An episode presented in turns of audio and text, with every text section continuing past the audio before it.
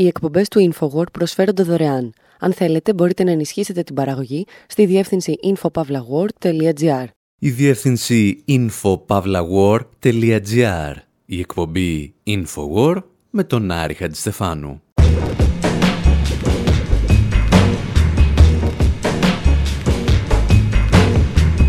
Όπου σήμερα, όπως είχαμε υποσχεθεί, λέμε δύο κουβέντες για το νέο μας ντοκιμαντέρ με τίτλο «Τελευταίο ταξίδι» που κυκλοφορεί στις αίθουσες από τις 24 Μαρτίου. Ταξιδεύουμε με τη φωνή του Γιάννη Αγγελάκα και της Όλιας Λαζαρίδου μέχρι την Ιαπωνία για να συναντήσουμε τον Νίκο Καζαντζάκη σε μια δική του δημοσιογραφική αποστολή λίγο πριν από το Δεύτερο Παγκόσμιο Πόλεμο. Προκειμένου να μην μετατραπεί αυτή η εκπομπή σε ένα τεράστιο spoiler, σήμερα θα δώσουμε το ιστορικό παρασκήνιο του μεγάλου ταξιδιού του Καζαντζάκη στην Ιαπωνία. Ένα παρασκήνιο το οποίο στο ντοκιμαντέρ είναι ταυτόχρονα αθέατο, αλλά και πανταχού παρόν. Και ύστερα θα πάρουμε τηλέφωνο έναν από τους σημαντικότερους εν ζωή μελετητές του Νίκου Καζαντζάκη για να μας διηγηθεί μια περίεργη ιστορία πώς γνώρισε το έργο του Έλληνα συγγραφέα από έναν καθολικό φίλο του που έκανε εμετό διαβάζοντας το «Ο Χριστός ξανασταυρώνεται». Και όλα αυτά θα τα κάνουμε ακούγοντας μικρά αποσπάσματα από το soundtrack του ντοκιμαντέρ, την πρωτότυπη μουσική που ετοίμασε ο Αρεσέν, κατά κόσμον Άρης Αζηλαζιάν. Πίσω όμως από το κιμονό και από το φανάρι ακούγονται φωνές οργής και απελπισίας και ένας αρρύφνητος στρατός παραμορφωμένος από το ανέλπιδο μεροδούλι, πεινασμένος, ανήσυχος, σε κοιτάζει με αυστηρότητα. Θυμήθηκα ένα τετραπέρατο βιομήχανο που έδειχνε με καμάρι τις φάμπρικες του. Όταν μπήκαμε στις αποθήκες, όπου σκυμμένες ένα σώρο γυναίκες, γριές και κορίτσια δουλεύαν 12-14 ώρες το μερόνυχτο, στράφηκα στο βιομήχανο και τον ρώτησα. Πόσο παίρνει κάθε μια μεροκάματο. Έκανε πως δεν άκουσε και άλλαξε κουβέντα, μα δεν τον αφήκα. Πόσο παίρνει κάθε μια μεροκάματο. Χαμήλωσε τη φωνή του σαν ντρεπόταν και αποκρίθηκε. Μισό γεν. 15 δραχμές. Πόσο; Μισό γεν. Ανατρίχιασα. Όλη η φάμπρικα μου φάνηκε σαν να περιχύθηκε με αίμα. Γρήγορα η υγεία τους κατρακυλάει. Από την πρώτη εβδομάδα χάνουν βάρος. Προπάντων η νυχτερινή εργασία της εξοντώνει. Καμιά δεν μπορεί να βαστάξει πάνω από ένα χρόνο. Άλλες πεθαίνουν, άλλες αρρωσταίνουν και φεύγουν. Τρέχουν από φάμπρικα σε φάμπρικα ή καταντούν στους ερωτικούς μαχαλάδες.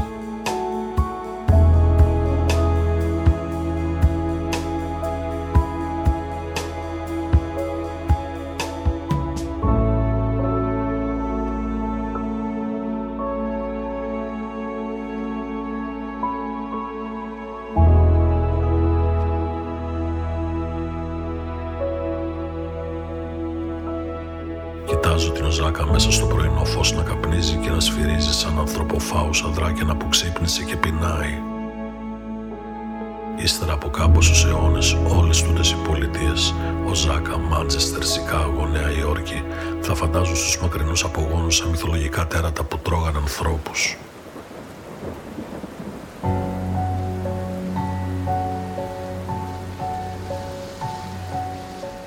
Ο Γιάννης Αγγελάκας διαβάζει από το βιβλίο του Νίκου Καζαντζάκη «Ταξιδεύοντας Ιαπωνία-Κίνα». Το ημερολόγιο γράφει 1935 και ο μεγάλος Έλληνας συγγραφέας βρίσκεται στην Ιαπωνία με την ιδιότητα του δημοσιογράφου. Επισκέπτεται τις φάμπρικες μιας ανερχόμενης βιομηχανικής υπερδύναμης και μας μεταφέρει εικόνες που θυμίζουν τις αφηγήσεις του Καρόλου Ντίκενς από τα πρώτα χρόνια της βιομηχανικής επανάστασης. Παράλληλα όμως συνειδητοποιεί ότι η νέα αυτή δύναμη της Ασίας εξοπλίζεται με φρενήρις ρυθμούς και κρύβει τα κανόνια της πίσω από τις ανθισμένες κερασιές.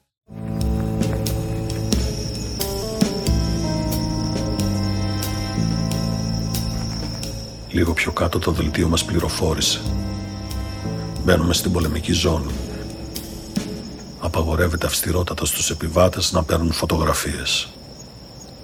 Όλη λοιπόν τούτη η περίφημη σακουρά η αθισμένη κερασιά δεν είναι παρά μια μάσκα, χρήσιμη για να καμουφλάρουν τα κανόνια τους.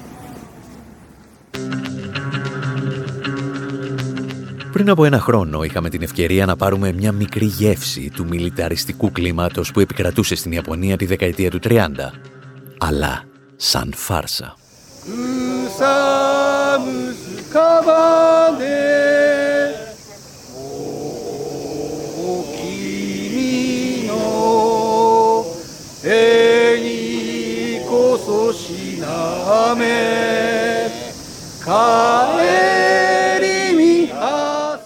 «15 Αυγούστου του 2020 βρίσκομαι στην καρδιά του Τόκιο, στο συντοιστικό ναό του Γιασουκούνι και οι κακόφωνοι κύριοι που ακούτε να υμνούν τον αυτοκράτορα είναι οι Ιάπωνες φασίστες, με όλη τη σημασία του όρου. Κάθε χρόνο συγκεντρώνονται στο Γιασουκούνι και θρηνούν για την υπογραφή της ταπεινωτικής συνθηκολόγησης και την έναρξη της Αμερικανικής κατοχής μετά το τέλος του Δευτέρου Παγκοσμίου Πολέμου. Οι άνθρωποι γύρω μου είναι εντυμένοι με στολές αξιωματικών του Δευτέρου Παγκοσμίου Πολέμου. Λίγες δεκάδες μέτρα από τους αξιωματικούς στέκουν οι Ιάπωνες χρυσαυγίτες. Παρατεταγμένοι σε στρατιωτικό σχηματισμό με το βλέμμα καρφωμένο κάπου στον ορίζοντα κρατούν σημαίες της αυτοκρατορικής Ιαπωνίας. Σε μικρή απόσταση διακρίνω και βουλευτές του κυβερνώντος φιλελεύθερου δημοκρατικού κόμματος, αλλά και στελέχη της Γιακούζα, της διαβόητης Ιαπωνικής μαφίας. Και όσο περνάει η ώρα, ο σουρεαλισμός φουντώνει. «Είστε από την Ελλάδα», με ρωτά ένας κύριος, ο οποίος είναι ντυμένος αξιωματικός της γερμανικής Wehrmacht και αμέσως σπέβδει να μου εκφράσει τον ενθουσιασμό του για τον ελληνικό πολιτισμό. «Από την Ελλάδα» ρώτησε χαμογελώντας και ένας άλλος κύριος που άκουγε τη συνομιλία μας. Αυτός ήταν ντυμένος με πολιτικά και η ευγένεια στο πρόσωπό του τον έκανε να δείχνει ελαφρώς παράτερος σε αυτή τη Disneyland του εθνικισμού. Ο ίδιος όμως έσπευσε αμέσως να διορθώσει τα πράγματα. «Εγώ», μου είπε, «ήρθα να τιμήσω τον παππού μου. Ήταν καμικάζι. Σκότωνε Αμερικάνους».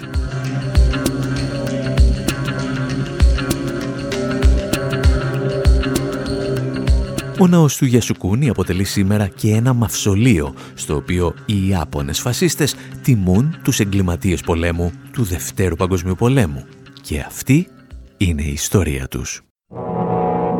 Japan's answer to the economic blizzard of the Depression was war.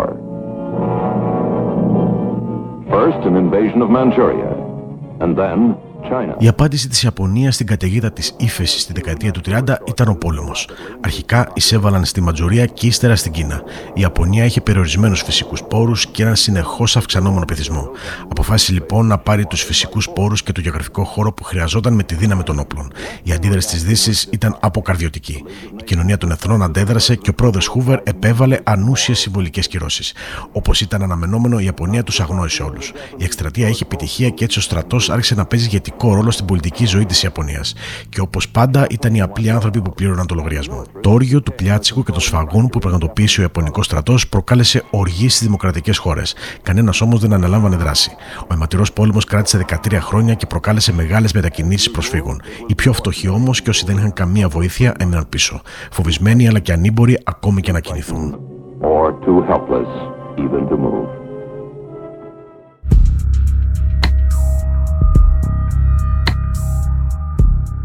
Τα αμερικανικά επίκαιρα, όπως ακούσατε, καταδίκαζαν τη στάση του Προέδρου Χούβερ που δεν έλαβε πιο δραστικά μέτρα για να σταματήσει το αιματοκύλισμα και την κατοχή της Μαντζουρίας στις αρχές της δεκαετίας του 30. Οι σκληρές αμερικανικές κυρώσεις εναντίον της Ιαπωνίας θα έρθουν τελικά μερικά χρόνια αργότερα και το ερώτημα που απασχολεί εδώ και δεκαετίες τους ιστορικούς είναι εάν η Ουάσιγκτον ενδιαφερόταν πραγματικά για την ανθρώπινη τραγωδία ή εάν αναζητούσε μία αφορμή για να εισέλθει μερικά χρόνια αργότερα στο Δεύτερο Παγκόσμιο Πόλεμο και έτσι να ξεπεράσει και αυτή την καταιγίδα της μεγάλης ύφεσης της δεκαετίας του 30. Ο Αμερικανός πρόεδρος διέταξε το πάγωμα όλων των περιουσιακών στοιχείων της Ιαπωνίας στις Ηνωμένες Πολιτείες και επέβαλε κυρώσεις. Απαγορεύτηκαν οι εξαγωγές μετάλλων και κάθε μεταφορά πετρελαίου. Μέχρι την 1η Αυγούστου του 1940 το Αμερικανο-Ιαπωνικό εμπόριο είχε διακοπεί πλήρως. Οι ηγέτες της Ιαπωνίας κατηγορούσαν τις Ηνωμένες Πολιτείες για οικονομικό στραγγαλισμό.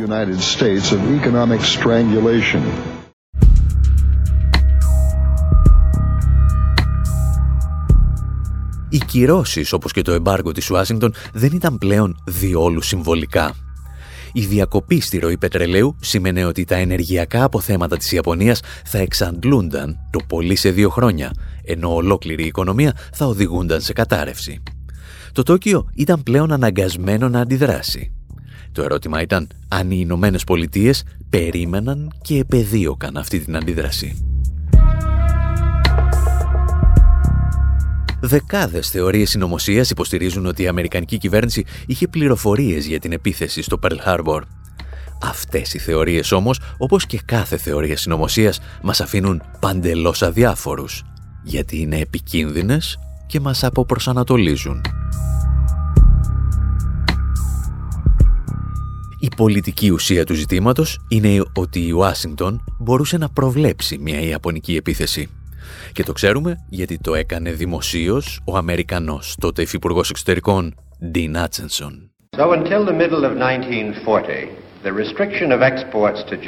Μέχρι τα μέσα του 1940, οι περιορισμοί στις εξαγωγές προς την Ιαπωνία αφορούσαν τις πωλήσεις αεροσκαφών και πυρομαχικών. Ύστερα όμως, το Κογκρέσο απαγόρευσε επίσης τις εξαγωγές μεταλλευμάτων και καυσίμων. Υπεύθυνοι για την άμυνα της χώρας μας περιόρισαν τις εξαγωγές προϊόντων. Βρισκόμασταν μπροστά σε ένα δίλημα. Από τη μία πλευρά υπάρχει το ενδεχόμενο, ή καλύτερα η πιθανότητα, αυτά τα υλικά να χρησιμοποιηθούν εναντίον μας στο μέλλον. Από την άλλη υπάρχει το ενδεχόμενο, ή καλύτερα η πιθανότητα, ότι αυτή η κίνηση θα προκαλέσει μια επίθεση στην οποία δεν θα είμαστε προετοιμασμένοι να απαντήσουμε.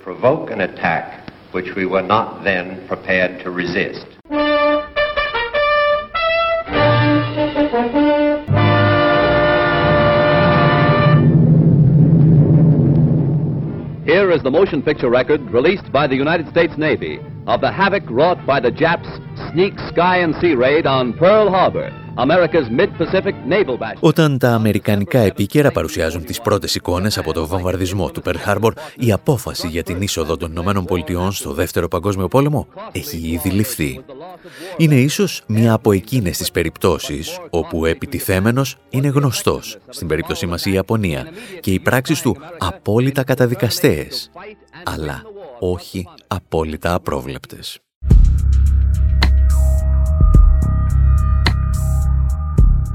Και αν στο σημείο αυτό αναρωτιέστε πώς σχολίαζε ο Νίκος Καζαντζάκης αυτές τις εξελίξεις, η απάντηση δεν είναι και τόσο σαφής. Το πρώτο του ταξίδι στην Ιαπωνία γίνεται το 1935 όταν το Τόκιο πραγματοποιεί εγκλήματα κατά της ανθρωπότητας στην Κίνα και βυθίζεται γρήγορα στον φασισμό. Ο Καζαντζάκης παρακολουθεί σχεδόν αδιάφορος και δυστυχώς δεν είναι η πρώτη φορά. Την ίδια χρονιά, το 1935, η Ιταλία εισβάλλει στην Αβυσσινία, τη σημερινή Αιθιοπία, και ο Καζαντζάκης δικαιολογεί απόλυτα την απόφαση του Μουσολίνη. Στον Ισπανικό εμφύλιο εργάζεται σαν embedded δημοσιογράφος στο πλευρό των φαλαγγιτών και δεν κρύβει ποτέ το θαυμασμό του για τον δικτάτορα Φράγκο. Και το ερώτημα που προκύπτει είναι μήπως τη δεκαετία του 30 ο Καζαντζάκης ήταν ελαφρώς φασίστας; Για να απαντήσουμε, ταξιδέψαμε στις Ηνωμένες Πολιτείες και μιλήσαμε με τον καθηγητή Πίτερ Μπιέν, έναν από τους σημαντικότερους μελετητές του Νίκου Καζαντζάκη. Οι απαντήσεις του ύστερα από αυτό.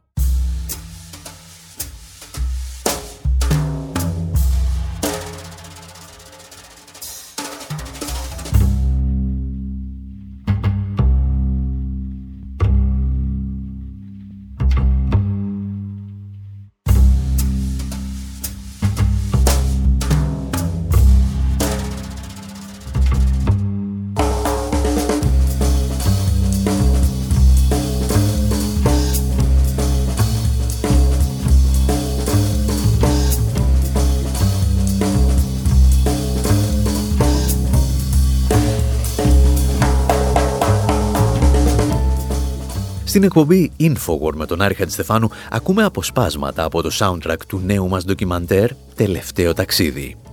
Μια ακόμη εξαιρετική μουσική δουλειά του RSN που θα κυκλοφορήσει και σε άλμπουμ. Είμαστε στο σημείο όπου ο Νίκος Καζατζάκης δέχεται επιθέσεις από τα αριστερά για τη στάση που κράτησε τη δεκαετία του 30 απέναντι στο φασισμό. Και εμείς θέλουμε να θέσουμε το ερώτημα στον καθηγητή Πίτερ Μπιέν, μέλος της Διεθνούς Εταιρείας Φίλων του Νίκου Καζαντζάκη και συγγραφέα μεταξύ άλλων του βιβλίου «Καζαντζάκης, η πολιτική του πνεύματος». Πριν ξεκινήσουμε όμως την κουβέντα μας, θελήσαμε να του θέσουμε ένα βασικό ερώτημα. Καλά εμείς. Εσείς πώς και αποφασίσατε να ασχοληθείτε με τον Καζαντζάκη; It goes back to my time as a PhD candidate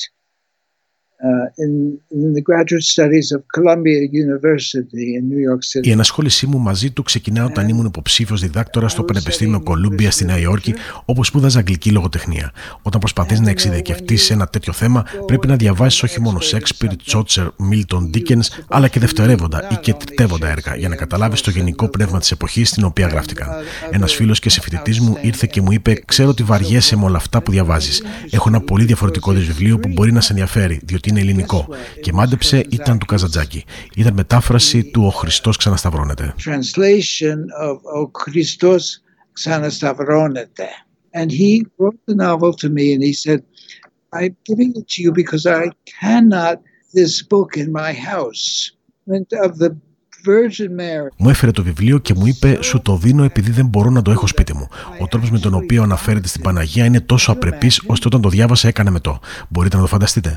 Έτσι έγινε λοιπόν η εισαγωγή μου στο Καζαντζάκι. Διάβασα αυτό το υπέροχο βιβλίο, το οποίο ήταν τόσο καλύτερο από τα τριτοκλασσά τα πράγματα που διάβαζα. Συγκράτησα λοιπόν το όνομα το οποίο κανείς άλλος δεν μπορούσε να προφέρει. Καζαντζάκης.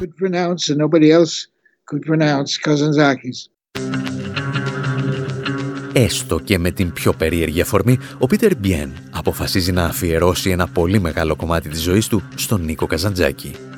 Και είναι γι' αυτό ένας από τους καταλληλότερους ανθρώπους να απαντήσουν εάν στη δεκαετία του 30 ο μεγάλος Έλληνας συγγραφέας βρέθηκε στη λάθος πλευρά της ιστορίας. Εξαρτάται, μας είπε ο Πίτερ Μπιέν, από ποια πλευρά βρίσκονταν αυτοί που το έλεγαν. Kazantzakis is probably accepted now, but you know, he was not accepted by most Greeks. Ο Καζαντζάκη ήταν πιθανότητα αποδεκτό σήμερα, αλλά ξέρετε, στην εποχή του δεν ήταν αποδεκτός από τους περισσότερους Έλληνες.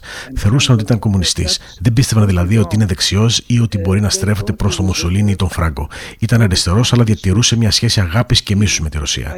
Δεν πρέπει να ξεχνάμε ότι ο Καζαντζάκη ήταν ένας συγγραφέας που δεν μπορούσε να βγάλει τα προς το ζήν. Δεν είχε χρήματα. Δεν έβγαζε τίποτα από αυτά που έγραφε και το εισόδημά του προερχόταν από τη δημοσιογραφία. Οπότε συμφώνησε ότι αν για παράδειγμα είχε την δυνατότητα να πάρει συνέντευξη από τον Μουσολίνη, θα το έκανε. Στι εφημερίδες βλέπετε άρεσαν αυτά και φυσικά πληρώνονταν. Γι' αυτό το έκανε, όχι επειδή ήταν ερωτευμένος με αυτούς τους ανθρώπους. Φυσικά μπορεί να τον ενδιαφέραν ως ανθρώπινο φαινόμενο, αλλά εκείνη την εποχή τον ενδιαφέρε πολύ περισσότερο η Ρωσία ή μάλλον η Σοβιετική Ένωση. Θλιβόταν που δεν γεννήθηκε Ρώσος. Ήταν πολύ πρόθυμος να πάει και να ζήσει εκεί. Η οπτική του βέβαια άλλαξε όταν έζησε στη Σοβιετική Ένωση, η οποία τον απογοήτευσε. in the Soviet Union, which disillusioned him. Ο Πίτερ Μπιάν λοιπόν υποστηρίζει ότι στην εποχή του ο Νίκος Καζαντζάκης κατηγορούνταν όχι για την ανοχή του στο φασισμό, αλλά για το ενδιαφέρον του στον κομμουνισμό. Οι μόνοι βέβαια που καταλάβαιναν ότι δεν θα μπορούσε ποτέ να γίνει κομμουνιστής ήταν οι κομμουνιστές. Δεν σκάμπαζε, έλεγαν, από διαλεκτικό ελισμό. Και είχαν απόλυτο δίκιο. The only people, when he was being accused by everybody of being a communist, the people who knew that he was not a communist were, were Όταν όλοι τον κατηγορούσαν ότι ήταν κομμουνιστής, οι μόνοι που ήξεραν πως δεν είναι ήταν οι κομμουνιστές. Άνθρωποι όπως ο Βάρναλης έλεγαν ο Καζαντζάκης είναι ιδεαλιστής, δεν είναι ηλιστή. Είναι ενάντια στο μαρξισμό, είναι ενάντια στο σοβιετικό λυσμό. Υπάρχουν πολλά στοιχεία γι' αυτό. Όπω σε κάποια περίοδο πίστευε για τον εαυτό του ότι ήταν κομμουνιστής. Ουσιαστικά μέχρι να πάει στη Ρωσία.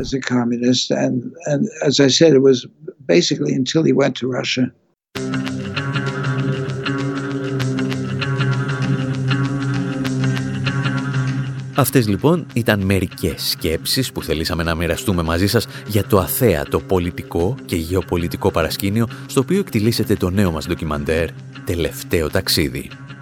Μετά την πρεμιέρα στο Φεστιβάλ Ντοκιμαντέρ Θεσσαλονίκης, συνεχίζουμε στο Ελληνικό Φεστιβάλ Βερολίνου και από τις 24 Μαρτίου ερχόμαστε στις αίθουσες. Στην Αθήνα στο Τριανόν, στη Θεσσαλονίκη στην αίθουσα Τζον Κασαβέτης και στις 30 Μαρτίου στην Πάτρα, στον Πολυχώρο Γιαπή. Ο Άρης Τριανταφύλου υπογράφει και πάλι το μοντάζ. Ο Αρεσέν γράφει τη μουσική και επεξεργάζεται τον ήχο μαζί με τον Γιάννη Μαρκοπουλιώτη, το post-production επιμελήθηκε ο Θάνος Τσάντας και όλα αυτά με την αφήγηση του Γιάννη Αγγελάκα και της Σόλιας Λαζαρίδου. Όλες αυτές τις πληροφορίες όμως μπορείτε να τις βρείτε στη διεύθυνση info.pavlawar.gr και στο site του ντοκιμαντέρ lastvoyagefilm.com Προς το παρόν, εσείς μένετε εδώ για το δεύτερο μέρος της εκπομπής.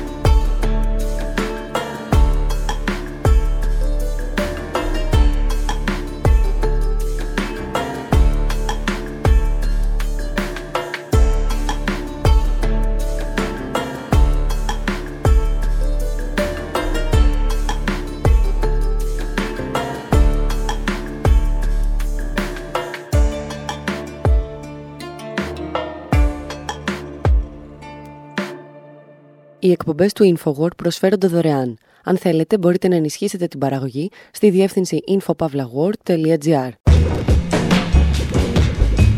Εκπομπή InfoWord, μέρος δεύτερο. Όπου σήμερα κοιτάζουμε το ρολόι μας και συνειδητοποιούμε ότι έχουμε μόλις δύο λεπτά ζωής, ως πλανήτης.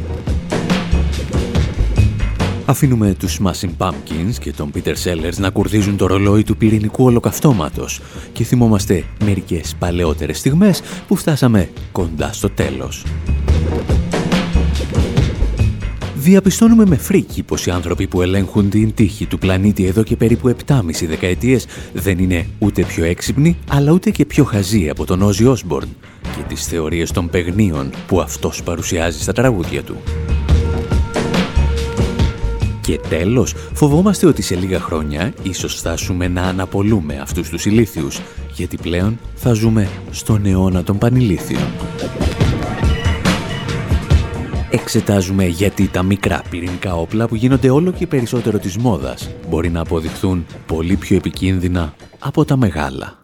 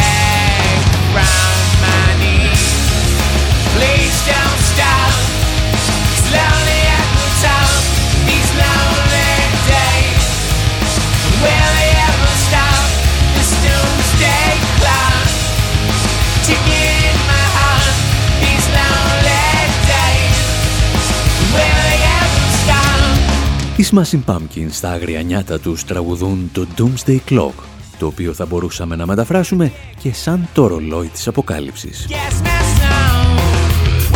Το τραγούδι τους είναι ελαφρώς καυκικό και όχι μόνο επειδή αναφέρεται συγκεκριμένα στον Κάφκα, αλλά κυρίως γιατί μας εισάγει σε μια αποκαλυπτική ατμόσφαιρα. Αποκαλυπτική εκ της αποκαλύψεως, όχι της αποκάλυψης.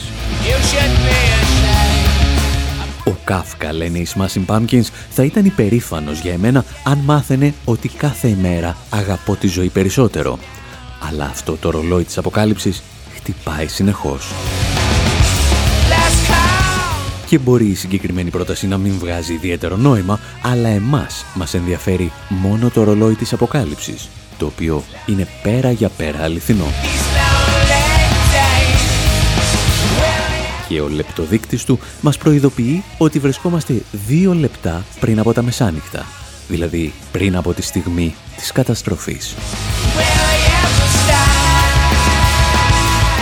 Το Doomsday Clock αποτελεί ένα ρολόι σύμβολο με το οποίο μια ομάδα επιστημόνων υπολογίζει πόσο πιθανή είναι η ολοκληρωτική καταστροφή της ανθρωπότητας από το πυρηνικό ολοκαύτωμα ή από κάποιο γεγονός ανάλογης έντασης, το οποίο θα προκληθεί από τον ανθρώπινο παράγοντα. This year, the hands of the clock were left unchanged from 2018, remaining at an unnerving two minutes. Όπως μας θύμιζε το δίκτυο NBC στις αρχές Ιανουαρίου του 2019, το Doomsday Clock έμεινε σταθερό στις 12 παρα 2 λεπτά το οποίο είναι μία από τις πιο επικίνδυνες φάσεις που έχει υπάρξει από τη στιγμή που εφευρέθηκαν τα πυρηνικά όπλα. Και για να καταλάβετε πόσο άσχημα είμαστε, ίσως και να θέλετε να ακούσετε το ρεπορτάζ που είχε ετοιμάσει παλαιότερα το δίκτυο Vox για την ιστορία του ρολογιού της αποκάλυψης. The Doomsday Clock first debuted in 1947 as a graphic on the cover of the first edition of the Bulletin of the Atomic Scientists magazine. Artist Marta Langsdorff was married Το ρολόι της Αποκάλυψη εμφανίστηκε πρώτη φορά το 1947 σε ένα σχέδιο στο εξώφυλλο του περιοδικού των επιστημόνων της ατομικής ενέργειας. Η καλλιτέχνη που το σχεδίασε, η Μάρτι Λάγκστορφ, ήταν παντρεμένη με τον Αλεξάνδρ Λάγκστορφ Τζούνιορ, έναν επιστήμονα του προγράμματος Μανχάταν. Μαζί με άλλους πυρηνικούς επιστήμονες είχαν δημιουργήσει το περιοδικό για να προειδοποιήσουν και να εκπαιδεύσουν το ευρύ κοινό για τις πιθανές καταστροφικές συνέπειες των δημιουργημάτων τους. Οι ατομικές βόμβες είχαν χρησιμοποιηθεί για πρώτη φορά το 1945, σκοτώντας 130.000 κατοίκους στον πόλο Χειροσύμα και Ναγκασάκη στην Ιαπωνία. Αρχικά ένας δείκτης του ρολογιού έδειχνε την ώρα 0 και λεπτοδείκτης έδειχνε μόλις 7 λεπτά πριν από τα μεσάνυχτα. Σύντομα το σχέδιο πήρε το όνομα το ρολόι της Αποκάλυψης και έγινε παγκόσμια γνωστό ως σύμβολο για την απειλή μιας επικείμενης πυρηνικής αποκάλυψης. Από το 1947 το περιοδικό συστηματικά μετατοπίζει το λεπτοδείκτη του ρολογιού όταν θεωρείται αλλάζει το επίπεδο απειλής, λαμβάνοντας υπόψη και άλλους παράγοντες όπως η κλιματική αλλαγή, τα βιοχημικά όπλα και κυβερνοαπειλές. Also taking into account other non-nuclear factors like climate change, bioweapons, and cyber threats. Το 1947 λοιπόν, μόλις δύο χρόνια από την πρώτη και τελευταία χρήση πυρηνικών όπλων εναντίον αμάχων από τις Ηνωμένες Πολιτείες, το Doomsday Clock έδειχνε 7 λεπτά πριν από τον αφανισμό. Και σήμερα το φτάσαμε στα 2 λεπτά πριν από την ολοκληρωτική καταστροφή του πλανήτη. Και το πώς το καταφέραμε θα το συζητήσουμε σε λιγάκι, αφού ακούσουμε τον Ozzy Osbourne να κουρδίζει το δικό του Doomsday Clock.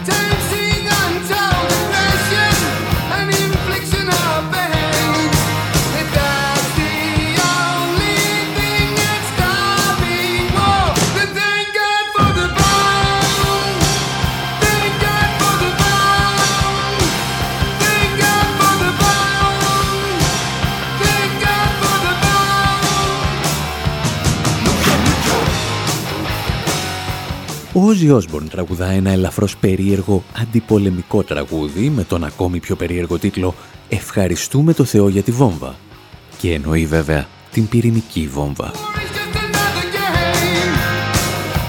Ο πόλεμος, επιχειρηματολογούσε ο Όζι Όσμπορν, είναι ένα παιχνίδι φτιαγμένο για σχιζοφρενείς. Αν όμως τους απειλήσεις με ολοκληρωτικό αφανισμό, κανείς δεν θα θέλει πλέον να παίξει. Και αν αυτός είναι ο μόνος τρόπος να διατηρήσουμε την ειρήνη, καταλήγει ο κορυφαίος αναλυτής της θεωρίας των παιχνίων, τότε πρέπει να ευχαριστήσουμε το Θεό για την μπόμπα. Αν νομίζετε ότι το επιχείρημα του Όζι Όσμπορν είναι από παράλογο έως ηλίθιο, ίσως και να έχετε απόλυτο δίκιο. Το πρόβλημα είναι ότι αυτό ακριβώς το επιχείρημα χρησιμοποιείται εδώ και 7 δεκαετίες από τις πυρηνικές υπερδυνάμεις και ακούει στο όνομα τρέλα από την αγγλική λέξη MAD, η οποία με τη σειρά της είναι το αρκτικό λέξο του Mutual Assured Destruction, της αμοιβαία εξασφαλισμένης καταστροφής. Το συγκεκριμένο δόγμα προϋποθέτει ότι καμία πυρηνική δύναμη δεν θα τολμήσει να χρησιμοποιήσει το πυρηνικό της οπλοστάσιο, καθώς γνωρίζει ότι το τελικό αποτέλεσμα της σύγκρουσης θα είναι και ο δικός της αφανισμός.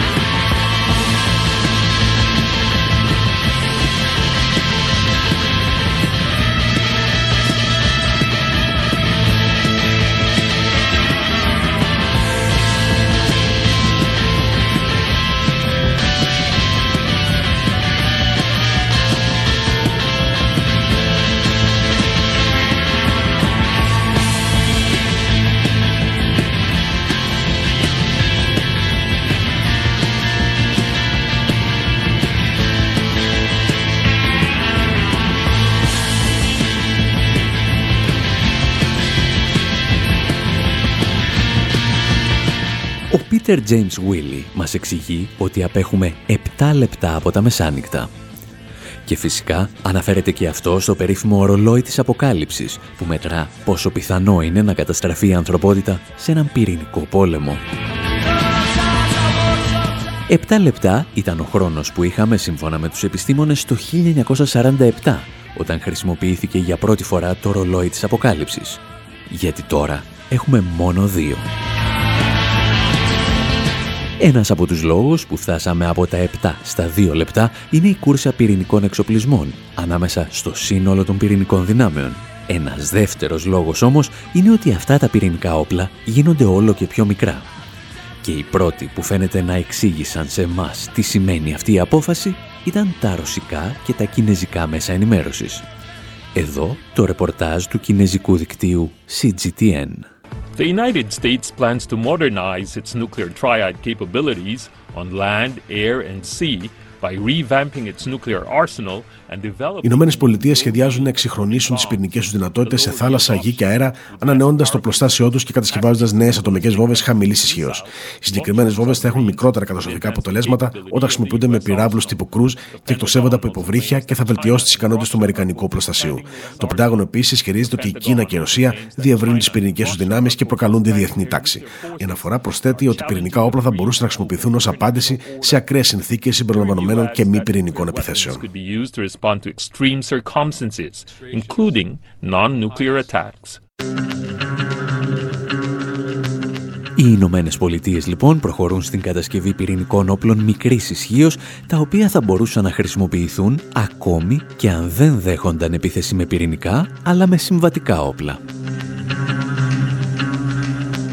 Ναι, αλλά θα αναρωτηθεί κάποιος, εν τέλει δεν είναι καλύτερα να έχουμε μικρά πυρηνικά όπλα και όχι μεγάλα; Δεν είναι δηλαδή καλύτερα να έχουμε τακτικά πυρηνικά όπλα και όχι στρατηγικά; Η απάντηση εδώ είναι ούτε να το σκέφτεστε. Το νέο δόγμα των Ηνωμένων Πολιτειών υποστηρίζει ότι η χρήση τακτικών πυρηνικών όπλων θα οδηγήσει σε μια σύγκρουση περιορισμένης γεωγραφικής έκτασης.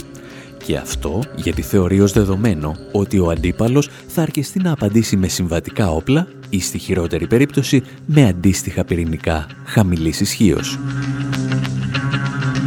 Όπως εξηγούσε όμως ο ειδικός σε θέματα πυρηνικής στρατηγικής Eric Schlosser, δεν υπάρχει τίποτα που να επιβεβαιώνει αυτή την άποψη.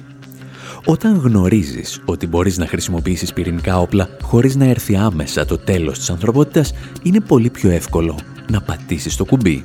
Ποιος μας λέει όμως ότι ένας τακτικός πυρηνικός πόλεμος δεν θα εξελιχθεί σύντομα σε στρατηγικό, όταν η μία πλευρά συνειδητοποιήσει ότι κινδυνεύει να χάσει τα πάντα. Και ύστερα υπάρχει και ένα δεύτερο πρόβλημα, εξηγούσε ο Σλόσερ. Φανταστείτε, λέει, ότι οι Ρώσοι συνειδητοποιούν ότι ένας πύραυλος εκτοξεύθηκε από ένα αμερικανικό υποβρύχιο και κινείται προς τη Μόσχα με τις ταχύτητες των σύγχρονων βαλιστικών πυράβλων μπορεί να φτάσει στη ρωσική πρωτεύουσα σε περίπου 10 με 12 λεπτά. Οι Ρώσοι αξιωματούχοι, λέει ο Σλόσερ, δεν μπορούν να γνωρίζουν εάν ο πύραυλος φέρει μια πυρηνική κεφαλή χαμηλής ισχύως, η οποία θα μπορούσε λόγου χάρη να καταστρέψει μια ύλη αρμάτων μάχης ή αν φέρει μια κεφαλή μεγάλης ισχύως που θα μπορούσε να ισοπεδώσει τη μισή Μόσχα. Η μόνη τους επιλογή είναι να ενημερώσουν τον Ρώσο πρόεδρο, ο οποίος θα πρέπει να καλέσει τον Αμερικανό πρόεδρο και να τον ρωτήσει περί τίνος πρόκειται. Στην πραγματικότητα βέβαια αυτό το τηλεφώνημα δεν θα συμβεί ποτέ, γιατί τα πυρηνικά όπλα χαμηλής ισχύως δεν χρειάζονται έγκριση από τον πρόεδρο των Ηνωμένων Πολιτειών. Την επίθεση μπορεί να έχει διατάξει ο διοικητής μιας αμερικανικής στρατιωτικής βάσης ή ενός υποβρυχίου. Παραδείγματος χάρη, ο στρατηγός από την ταινία SOS Πεντάγωνο Καλή Μόσχα, που πίστευε ότι οι κομμουνιστές κάνουμε κάτι περίεργο με τα σωματικά του υγρά. Και αν νομίζετε ότι αυτές είναι ιστορίες βγαλμένες από ταινίες, να σας θυμίσουμε ότι οι διοικητές υποβρυχίων βρέθηκαν σε αυτήν ακριβώς την κατάσταση κατά τη διάρκεια της κρίσης των πυράβλων στην Κούβα το 1962. Τα εξηγούσε πριν από μερικά χρόνια ο Νόαμ Τσόμσκι. Uh, in October, there was, um, Τον Οκτώβριο έγινε μια συνάντηση για την επέτειο των 40 χρόνων από την κρίση των πυράβλων. Συμμετείχαν ορισμένοι από τους πρωταγωνιστές της ιστορίας από τις Ηνωμένες Πολιτείες, τη Ρωσία και την Κούβα. Γνώριζαν ήδη ότι η κρίση των πυράβλων ήταν η πιο επικίνδυνη στιγμή στην ανθρώπινη ιστορία. Αυτό που συνειδητοποίησαν όμως τον Οκτώβριο τους άφησε άφωνους. Κατάλαβαν ότι ο κόσμος μας απήχε μόνο μια λέξη από ένα θερμοπυρηνικό πόλεμο. Δύο σοβιετικά υποβρύχια δέχτηκαν επίθεση από αμερικανικά καταδρομικά. Οι διοικητές των υποβρυχίων νόμιζαν ότι είχε ξεκινήσει πυρηνικός πόλεμος και είχαν στη διάθεσή τους πυρηνικά όπλα για να απαντήσουν. Δύο από τους διοικητές διέταξαν επίθεση. Αυτό θα σήμαινε ότι από τις αντιδράσεις και των δύο πλευρών η Νέα Υόρκη και η Μόσχα θα εξαφανίζονταν σε λίγα λεπτά. Γιατί δεν έγινε αυτό, Γιατί ένας τρίτος διοικητής των υποβρυχίων ακύρωσε την εντολή. Και έτσι σήμερα είμαστε εδώ και μιλάμε. That's why we're around to talk about it. Εμείς πάλι κάπου εδώ θα σας αφήσουμε να πάτε στο καλό.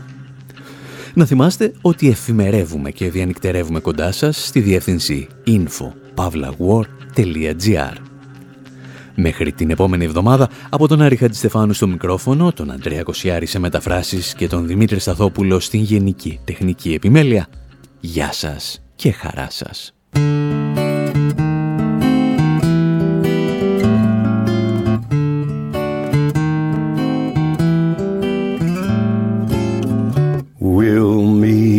Don't know where, don't know when, but I know we'll meet again some sunny day.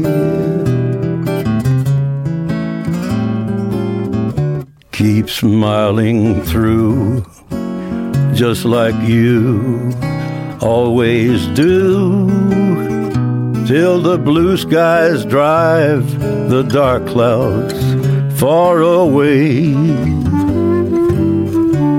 And will you please say hello to the folks that I know? Tell them that I won't be long. And they'll be happy to know that as you saw me go, I was singing this song. We'll meet again. Don't know where, don't know when, but I know we'll meet again some sunny day.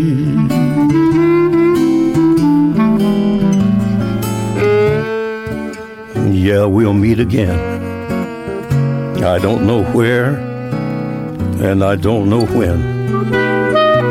But I do know that we'll meet again some sunny day.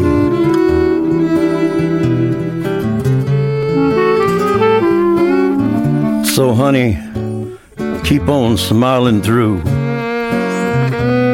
just like you always do, till the blue skies drive the dark clouds far away. And would you please say hello to all the folks that I know and tell them I won't be long. They'll be happy to know that as you saw me go, I was singing this song. We'll meet again